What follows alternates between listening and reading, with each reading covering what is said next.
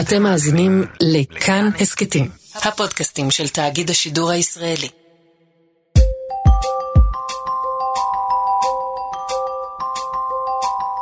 שלום לכם, חובבי גדעון סער, מתנגדיו, אנשים שהגיעו לפה בטעות. אתם על עוד יום, ההסכת החדשותי, והיום ננתח את המהלכים הבאים של גדעון סער, הפוליטיקאי הכי מעניין בישראל כרגע. מולי יושב, אתה, הפרשן הוותיק ירון דקל, שלום לך. שלום עקיבא. בואו נפתח עם עיקרי הדברים של גדעון סער.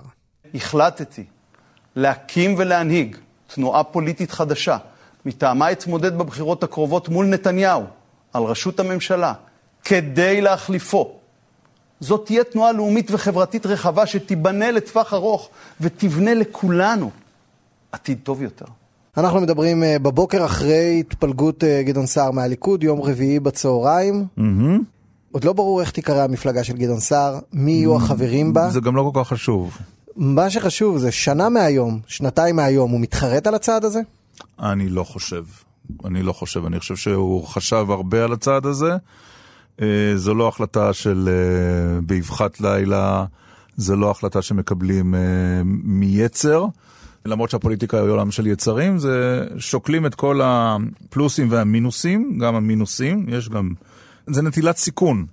לא תמיד בפוליטיקה מה שאתה מתכנן קורה. אני לא חושב שהוא במבט לאחור יצטער על הצעד הזה, מכיוון שכרגע בליכוד הוא במצב של לוז-לוז. אז אני חושב שהוא הבין, כמו רבים אחרים, שהדרך בליכוד חסומה, והיא לא חסומה מאתמול, היא חסומה כבר לא מעט שנים, ולכן הוא לוקח את הסיכון והולך למשהו אחר. המשהו האחר הזה זה בעצם מה שכבר שנים אה, מדברים עליו, סוף עידן נתניהו, עכשיו זה קורה? תראה, אתה יודע למי ניתנה הנבואה. Mm-hmm. אני פעם אחרונה שניסיתי להעריך מה יקרה, זה היה בימי שמעון פרס, וטעיתי. גדעון סער, אה, בתוך ראשו תכנן להניף אתמול את הגרזן על אה, כהונתו של נתניהו? הוא אמר את זה באופן מפורש. הוא אמר, לעת הזו, צו השעה הוא... לא, לא, לא, זה לא לעת הזו. זה לא אני לוקח פסק זמן עד שדוד ילך. זה לא העניין כאן. זה עד שביבי ילך. הליכוד שינה את פניו בשנים האחרונות באופן דרמטי ומואץ. התנועה הפכה לכלי שרת עבור האינטרסים האישיים של העומד בראשה, כולל כאלה הנוגעים למשפטו הפלילי. איני יכול עוד לתמוך בממשלה בראשות נתניהו, ואיני יכול להיות חבר הליכוד בראשותו. ההנחה של גדעון סער, שנתניהו ניתן יהיה לאגף אותו רק מימין, מה שגם מניח נפתלי בנט. אז חמישה מנדטים של סער, אפילו חמישה שווים יותר משלושים וכמה של בני גנץ? קודם כל, ראינו כבר ששלושה מנדטים של בנט מביאים אותו למשרד הביטחון. שנתניהו משלם מחירים אה, כדי אה, שתהיה לו ממשלה, גם אם הם אה, בלתי פרופורציונליים לכל דבר ועניין. אה, שרי ביטחון לא התמנו עם שלושה מנדטים, ובנט, עצם העובדה שהיה פלירט פוליטי ענייני או מדומה, נתניהו נלחץ ו... ונתן לבנט את תפקיד, תפקיד אה, שר הביטחון. עכשיו, חמישה מנדטים, שא', אני לא יודע אם זה יסתיים בחמישה מנדטים. אני אומר אפילו חמישה. כן, אבל השאלה מאין באים החמישה האלה. המטרה של שר היא לא, לא בסופו של דבר לחבור ולהיות שר בממשלת נתניהו. המטרה של שר היא להחליף את בנימין נתניהו, ולכן המטרה שלו היא לקחת לא מהגוש, אלא ממש מהליכוד, ולהביא את, ה, את המנדטים האלה, שהוא מקווה שיהיו הרבה יותר מחמישה, למחוזות אחרים, ולהרכיב ממשלה בלי נתניהו. אגב, אני לא יודע מה קורה אם הליכוד רואה שהוא נשאר באופוזיציה, אם אומרים אם נתניהו נלך לאופוזיציה, אבל סער הבין שנתניהו כאן כדי להישאר, והוא לא הולך לשום מקום. אז הוא, הוא התחיל להתניע מהלך ש... שיוריד את נתניהו מהכיסא. בוא נסתכל מה, מה קרה בפעם האחרונה שהוא ניסה. אם אנחנו נמשיך למערכת הבחירות השלישית עם ראש הממשלה נתניהו, תהיה פה אחרי הבחירות ממשלת שמאל, ואנחנו נלך לאופוזיציה. אם אני אבחר, תהיה ממשלה בראשות הליכוד, והמחנה הלאומי יוכל לשמור על ההגה של המדינה, על כל הדברים שהם יקרים דצמבר שעבר, נכון. הוא הביא 27 וקצת אחוזים. הוא היה היחיד שהתמודד אז מול נתניהו. אה, אני חושב שזה לא, לא מהלך מבוטל, אני חושב שבליכוד שהוא איננו ליכוד אה, למפלגת נתניהו, להרים את נס המרד נגד נתניהו צריך אה, אומץ לב פוליטי, וגם הסיכון הזה הוא אומץ, אומץ לב פוליטי. אבל בכלל... דיברנו אז בפריימריז על 30 אחוז כקו ההצלחה נכון, כישלון. נכון, ואז אה, שר חבל בשרו שהליכוד שהיה פעם מפלגה שיש בה התמודדויות ויש בה מחנות, אה, איננה הליכוד של היום. בכוונתי לברך את ראש הממשלה על ניצחונו בפריימריז. אה, ברור אה, מה התוצאה, ולומר בצורה הברורה ביותר, חבריי ואני עומדים מאחוריך במערכה למען הצלחת הליכוד בבחירות בשניים במרץ. צריך לזכור, אה, עקיבא, שסער הוא לא הראשון שעובד עם נתניהו וטורק את הדלת וחושב שמן הראוי להחליפו. ממרידור ועד אה, יצחק מרדכי, מצביקה האוזר ועד משה כחלון, מאביגדור איווט ליברמן ועד אה, גדעון סער. אין לנו מספיק זמן בהסכת הזה למנות את כולם, כן. אז נגיד שיש רבים. השאלה אם יש ליכודניקים כמו לימור לבנת, שכותבת מאמרים בידיעות אחרונות, וסבורה שיש מקום לליכוד ללא נתניהו. ואת זה, סער, את הקול שלה ושל אחרים שכמותה, אנשים שמאסו בנתניהו אבל הם ימניים, לשם הוא מכוון, בצירוף אלה שהתאכזבו מגנץ ורוצים, מחפשים בית פוליטי חדש, הם חנו אצל ימינה, אצל נפתלי בנט. הוא ינסה למשוך גם משם, אבל סער, בניגוד לנפתלי בנט, שהוא קורץ מאוד לימין, סער גם קורץ למרכז. יש אנשי מרכז ימין, שהם לא חובשי כיפות סרוגות, שיכולים להגיד עם סער אנחנו יכולים לחיות בשלום, ועם בנט הם לא יכולים לחיות בשלום בגלל עמדותיו. שעמדותיו הן ימניות מדי עבורם. בהחלט. למה זה כל כך מדהים בעיניי מה שקורה עכשיו? כן. קורה פה מהספר של בן כספית נתניהו ביוגרפיה, רגע השפל הגדול של נתניהו בחייו הפוליטיים אולי, 12 מנדטים. שסער עזר לו למנוע את הדחתו. בדיוק, חברי הכנסת אה, סילבן שלום, לימור לבנת mm-hmm. ועוד התארגנו להדחת נתניהו. המפתחות נמצאו בידיהם של שני הכוכבים הצעירים דאז של המפלגה, גדעון סער וגלעד ארדן. סער התלבט, הוא הבין לליבו של נתניהו הנואש, לא שש להדיחו. בצד שני, הוא חשש להגן על ביבי ולגלות שהוא פורש מהחיים הפוליטיים. ויש פה תיאור פגישה אה, בין גדעון סער הצעיר לנתניהו, וסער שואל אותו, אתה מתכוון להישאר בתנועה? כן, בטח, עונה ביבי. ואם נקבל עשרה מנדטים בבחירות, מקשה סער, מה פתאום הזדעק ביבי? נקבל לפחות 14-15 מנדטים. וככה סער מחליט לגבות את נתניהו, והוא יושב עם חבריו הח"כים גלעד ארדן ומשה כחלון בקפה ג'ו ברחוב החשמונאים בתל אביב, ושלושתם מצילים את נתניהו. כן. ומי הפטרון של כל השלישייה הצעירה הזאת? רובי ריבלין. Mm-hmm. ארבעתם מצילים את נתניהו, והנה כעבור עשור וחצי... טוב, נתניהו נפרד מכולם, גם מהנשיא. ניצח את כולם. אה, ניצח את כולם, נפרד מכולם. תראה, הנשיא נבחר לתפקידו למרות שנתניהו סבר בשלב מסוים שצריך לבטל את מוסד הנשיאות רק כדי שראובן רובי ריבלין לא יהיה נשיא המדינה, ובכל זאת ריבלין ניצח את נתניהו בתחום הנשיאות. אבל הוא נפרד מכולם, כמו שהוא נפרד מהשמות שהזכרנו קודם. נתניהו הוא לא מתחזק אה, בריתות לאורך זמן. והוא מאוד uh, משחק בבריתות האלה עם האנשים, ולא כמו עם המפלגות, לצורך האינטרס הפוליטי המיידי. ברגע שהאינטרס הפוליטי המיידי הוא, הוא משתנה, אז uh, אנשים uh, מתרחקים. כמובן שאם נתניהו היה מחזיק את כולם, אז זה יכול להיות uh, פחות אולי שנוי במחלוקת, אבל... זה היה התקופה שבין 2009 ל-2013, בקבינט שבו היו גם בני בגין וגם דן מרידור וגם בוגי יעלון. 아, ו- וכל השמות האלה, מרידור. המכנה המשותף לכל השמות האלה היו ליכודניקים, mm-hmm. חלמו כמעט כולם להחליף את נתניהו. כולם היום אה, על הקרשים מדממים בצד הזירה. או מתמודדים מולו, כמו סער. ומה יש לגדעון סער? אי אפשר לומר שסער ש... על הקרשים. ומה יש לגדעון סער שאין לכל השמות האלה? תחכום פוליטי, אמביציה, והוא מכיר היטב את נתניהו. הוא מתוחכם פוליטי, הוא מכיר היטב, הוא פוליטיקאי משופשף מאוד. Mm-hmm. והרי בסופו של דבר מי שניצח את נתניהו בבחירות לנשיאות היה גדעון סער יחד עם חבר הכנסת חיים כץ שתמכו בנשיא רובי ריבלין, זו הייתה עבודה של שניהם.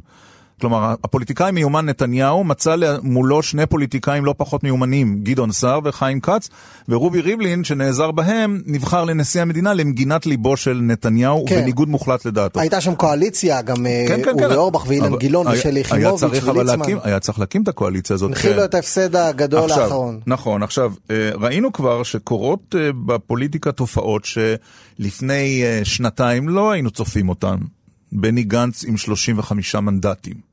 היית, היינו משוחחים, היינו רואים, טוב, יקים עוד מפלגה, יגיע למה שכחלון הגיע, עשרה מנדטים, יש לו, יש לו פוטנציאל. כן. ובכל זאת הצליח לחבר אליו את לפיד, הצליח לחבר את יעלון.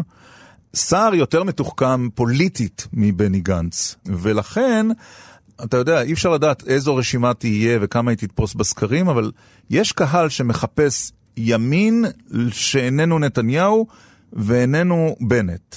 אז לשם מתכוון להיכנס גדעון סער. אני לא חושב שאנחנו נמצא אנשי שמאל, זה לא תהיה אה, רשימת מישמש. לא, לא נמצא שם את רון חולדאי למשל. כן. אבל אם אתה, אם אפשר לצייר מה אולי נראה, ותגיד לי אתה אם אין לזה משקל, סער ואייזנקוט אולי, כן. שאשא ביטון, האוזר, הנדל, כן. אולי יעלון, אולי. ואם יום אחרי הבחירות מגיע שר ומגלה שאין 61 ח"כים להחלפת נתניהו בלי המשותפת, האוזר והנדל כבר היו בנקודה הזאת, החליטו לא להפיל את נתניהו, גם בנט החליט שלא. מה יקרה אם יש לו בחירה בין ממשלה עם נתניהו לבין לחבור למשותפת, או אפילו למרץ? השאלה אם הוא ילך יותר רחוק לא, לא, מהקודמים. דין, לא דין מרץ כדין המשותפת. מרץ, וניצן הורוביץ הוביל את הקו הזה, היא מפלגה, מפלגת שמאל ציונית. הוא דחה את הרעיון של להיות ממפלגה יהודית ערבית שאיננה ציונית. אתה- אז, אז, אז אתה- בעיני, אני, אם אני מנסה לחשוב במקום סער, יש הבדל בין מרץ לבין המשותפת. אתה רואה אותו מדיח את נתניהו בעזרת מרץ? אני לא פוסל את זה. ממשלת אחדות נתמכת על ידי גופים גם בשמאל. תראה, בעידן שאחרי נתניהו נפתח משחק פוליטי חדש. אבל נתניהו, אם היה צריך להרכיב ממשלה והיה תלוי במשותפת, היה מקים אותה? היה מקים לדעתי גם עם חסן נסראללה, עימאד מורניה עליו השלום, עבאס מוסאווי. לא, אתה קצת מרחיק לך. חלקם לא... חלקם לא איתנו. זאת הסיבה היחידה שהוא. לא היה מצרף אותם חלקם לא איתנו. וטוב שכך. אבל היה מקים עם המשותפת, נתניהו, אם הוא היה תלוי, אם מנסור עבאס היה נותן לו. נכון. ולכן מה שטוב לנתניהו יכול להיות מעתה והלאה, טוב גם לאחרים, ויהיה מאוד קשה לטעון, מבקרים, רגע, רגע, רגע. כולל אגב האוזר והנדל, הרי אפשר יהיה תמיד תמיד לומר, ניסינו ארבע מערכות בחירות, אנחנו מראש אמרנו שאנחנו לא חושבים שנאשם בפלילים צריך להיות, ועכשיו, בקונסטלציה הזאת, אחרי ארבע מערכות בחירות, אי אפשר להתיש את מדינת ישראל במשבר הכלכלי שבו אנחנו, בו אנחנו נמצאים במערכת בחירות חמישית, ולכן גם אנחנו, יאמרו הנדל והאוזר, נאלצים להתפשר על עמדותינו שלא התפשרנו עליהם לפני, איך זה נשמע? לא התפשרנו עליהם לפני שנה, זה נשמע משכנע, לא? יגידו לנו המאזינים שלנו ב- כן. ב- פוליטיקה היא אומנות, היא אומנות, ו- היא אומנות האפשר.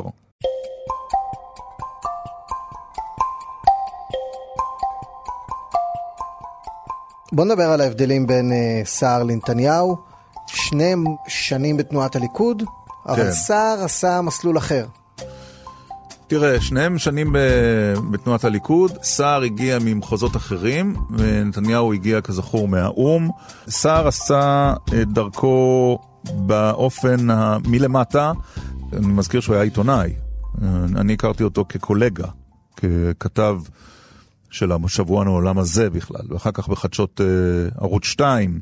הוא היה אגב מזוהה כעיתונאי ימני, כאילו היה ברור שהוא איש ימין, כן, או כן, שהוא... בוודאי, בהחלט. גם אורי ארנרי רצה שיהיה מישהו ימני בשבועון שלו השמאלני, אחר כך עיתון חדשות, אם אני לא טועה, אה, בביוגרפיה, ואז חדשות 2, ככתב לענייני משפט, לפני דנה וייס, דנה וייס החליפה אותו, אני זוכר את זה, ומשם לעוזר ליועץ המשפטי לממשלה, לפרקליטת המדינה.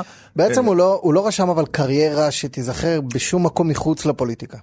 הוא טיפס בסולם הפוליטי נכון. מההתחלה. כן. אגב, גם היה איש אמונו של נתניהו במשך שנים, ב-99 הוא היה מזכיר הממשלה שלו. אחר כך נכון, מזכיר נכון, הממשלה של שרון. נכון, נכון. ואז בשנות המדבר הפוליטי 2006 הוא הלך איתו. כן, נכון מאוד. הוא צמח מהפוליטיקה מלמטה. וב-2009 הוא נהיה שר בממשלה, והוא היה שר חינוך, שר חינוך בולט. וחבר קבינט. כן, מה לא. גורם לו ב-2014 להגיד, חלאס אני הולך?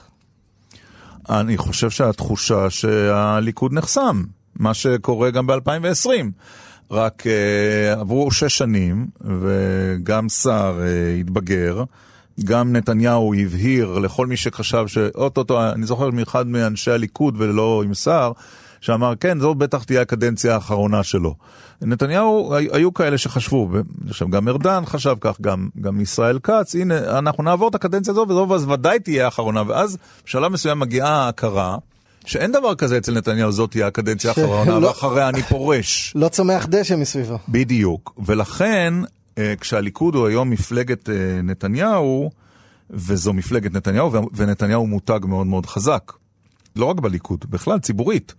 הוא מותג מאוד חזק. אגב, אולי חזק יותר מהליכוד. בעיניי חזק אה, יותר מכל מותג פרסונלי אחר. יותר מגלגדות, יותר מבר רפאלי, להבדיל כמובן. מעטים הישראלים שמעוררים גם כל כך הרבה אמוציות, ו- והם סיפור, תראה, אנחנו מסקרים את נתניהו, נתניהו הוא סיפור פוליטי משוגע. הוא מרתק אליו 100 מצלמות ויודע להחזיק אותן, והוא נכנס לסיעת הליכוד, הוא יודע ליצור דרמות, הוא, הוא יודע לנאום באו"ם והוא יודע בכנסת, הוא צלח את שעת השאלות של האופוזיציה בקלילות כל פעם, ופה יש הבדל מרכזי בינו לבין גדעון סער. כן, ללא ספק. בינו לבין שאר המתחרים במערכת הפוליטית, גם בינו לבין בני גנץ שהביא 35 מנדטים. בדיוק, אין חשמל, אין, ראינו אתמול אבל, במסיבת העיתונאים, אין חשמל באוויר. אין, אין עוד נתניהו, ה... אין עוד נתניהו. ואם אתה תסתכל בהיסטוריה של מדינת ישראל, ואין לנו לחזות את העתיד אלא להסתכל על העבר לעיתים, אחרי כל מנהיג כריזמטי שהיה במדינת ישראל, היה מנהיג לא כריזמטי. אם אתה מסתכל על בן גוריון, שהוחלף על ידי אשכול, בגין שהוחלף על ידי שמיר, או שרון שהוחלף על ידי אולמרט. אז אתה אומר עכשיו הגיע תור שמיר, ופה גדעון סער עשוי להיות בתפקיד ש... השמיר. אני חושב שזה עידן אחר. אה, ראית אתמול באירוע של סער שהוא דיבר גם בסאונד בייטים שאפשר היה לקחת אה, הרבה כותרות, שמיר לא דיבר בסאונד בייטים זה נראה שמישהו עבד איתו, כלומר תנועות ידיים. נכון, אבל... הוא, אבל הוא אני... אומר כל פעם, הוא אומר אני מושיט יד והוא מושיט יד, כן? ומישהו הכין אותו. אבל זו העידן של הפוליטיקה היום. מי שלא, וגנץ אתה חושב לא התאמן אה, לפני הופעות, בהתחלה כנראה פחות, אבל אחר כך הוא... אחר כך הוא הלך והשתפר. ברור, אנשי ברור. מקצוע בתחום הזה, זה, זה תפקידם. אני חושב, שהפרומ... אני לא יודע, אבל... אני חושב שהפרומפטרים אה, הורסים פוליטיקאים כמו גדעון סער, כי הוא נראה מדוקלם, והוא נראה... אני מכיר את זה גם מניסיוני בטלוויזיה. גם ש... גנץ נראה מדוקלם בפרומפטר. מעבר לעניין הכריזמה והברק, מה החסרונות של גדעון סער? התחום הביטחוני הוא תחום משמעותי עדיין במדינת ישראל, וכאן לסער יש רקורד בתחום חברות בקבינט. אין לו רקורד צבאי, זה לא אומר שכדי להיות ראש ממשלה צריך רמטכ"ל, להיות רמטכ"ל, אני חושב שלאו דווקא, אבל ניסיון ביטחוני או דמות ביטחונית משמעותית שהיא לצידו של ראש הממשלה, אני חושב שכן הציבור הישראלי יחפש. בכל זאת, כשיש אירוע באיראן שבו מדען הגרעין אה, מוצא את אה, מותו, תישאל השאלה הוא מה יקרה אם חלילה וחס אה, תהיה התחממות ביטחונית, מי, מי יטפל בבעיה? וכאן צריך, אני חושב, כל מפלגה חפצת שלטון, צריכה, לכן אה, נפתלי בנט מבליט בכל מקום את אותם ששת חודשים שבו היה במשרד הביטחון. שנדמו בעיניו כ- כשנים אחדות. כן, שר הביטחון לשעבר, שר הביטחון לשעבר, שר, הוא, היה, הוא היה חצי שנה, אה, שר הביטחון לשעבר, הוא יותר יושב ראש ימינה, הוא היה הרבה יותר שנים שר החינוך ומזוהה עם חינוך, לא שחינוך הוא לא חשוב. אבל במציאות הישראלית, איש ביטחון הוא עדיין משרה ביטחון, אמור להשרות ביטחון. ואתה אומר, העורך דין המעונב בלי רישיון נהיגה מתל אביב, שמצלמים אותו נוסע על no. אופניים ברחוב, אתה אומר, זה לא בר כוכבא שהישראלים חולמים עליו בתת מודע. אני חושב שאתה מתאר אה, תיאור קצת נחנחי. אני חושב, אני חושב ש...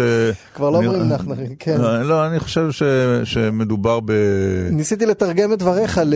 לא. אני חושב שמדובר ב, במישהו שיש לו את ה killer instinct וגם את האמביציה וגם את התחכום הפוליטי. אה, האם זה מוליד ראש ממשלה, את זה אנחנו נצטרך, ובאיזה קונסטלציה מול בנימין נתניהו, את זה אנחנו נצטרך אה, להמתין ולראות איך הוא מגבש נבחרת, איך, האם הסקרים, האם הציבור נותן לו אשראי בסקרים, האם הוא מתפתח בסקרים, זה עדיין נעלם. אני לוקח בחשבון גם את האפשרות שהבחירות בסוף לא יוקדמו, וייתכן שתימצא פשרה שתאריך באופן מלאכותי את חיי הממשלה. אולי במעשה שאני עושה היום יהיה גם תמריץ לדחייתן. לסיום, ביום שאחרי נתניהו. ביום שאחרי נתניהו, כולם יחזרו לליכוד. כולם, כולם, כלומר, העובדים מארץ אשור והנידחים במצרים. לדעתי, אין, אין, אה, אין פה עניין אידיאולוגי, הבחירות האלה הן על עניין של איש. אתה רואה את סער מילא, הוא עד... אה, וליברמן מדוע לא? הוא לא היה בליכוד. וכחלון. למה לא? ובנט ושקד. ולמה לא האוזר והנדל? האוזר והנדל. כן? מי יישאר בשמאל? הם לא בשמאל. כן, הם יחזרו מהימין. מי יישאר במחנה השני? תזמין אותי ונדבר על זה בעתיד, אחרי נתניהו. הנה סיימת בטיזר לפרק הבא. בהחלט. תודה לך ירון דקל. להתראות. ותודה לכם שהאזנתם לפרק הזה של עוד יום, ערכו אותו דניאל אופיר וניר גורלי, תודה. עיצוב הפסקול ירדן מרציאנו, תודה לטכנאים גלית אמירה ורועי קנטן. עוד פרקים של עוד יום תוכלו למצוא ביישומון של כאן, באפליקציה, בכל אפליקציית פודקאסטים שמכבדת את עצמה בישראל. ואתם מוזמנים, יותר ממוזמנים, תשאירו הערות והצעות לפרקים אחרים בדף של כאן הסכתים בפייסבוק וגם אצלי בטוויטר ובאינסטגרם. אני עקיבא נוביק, להתראות.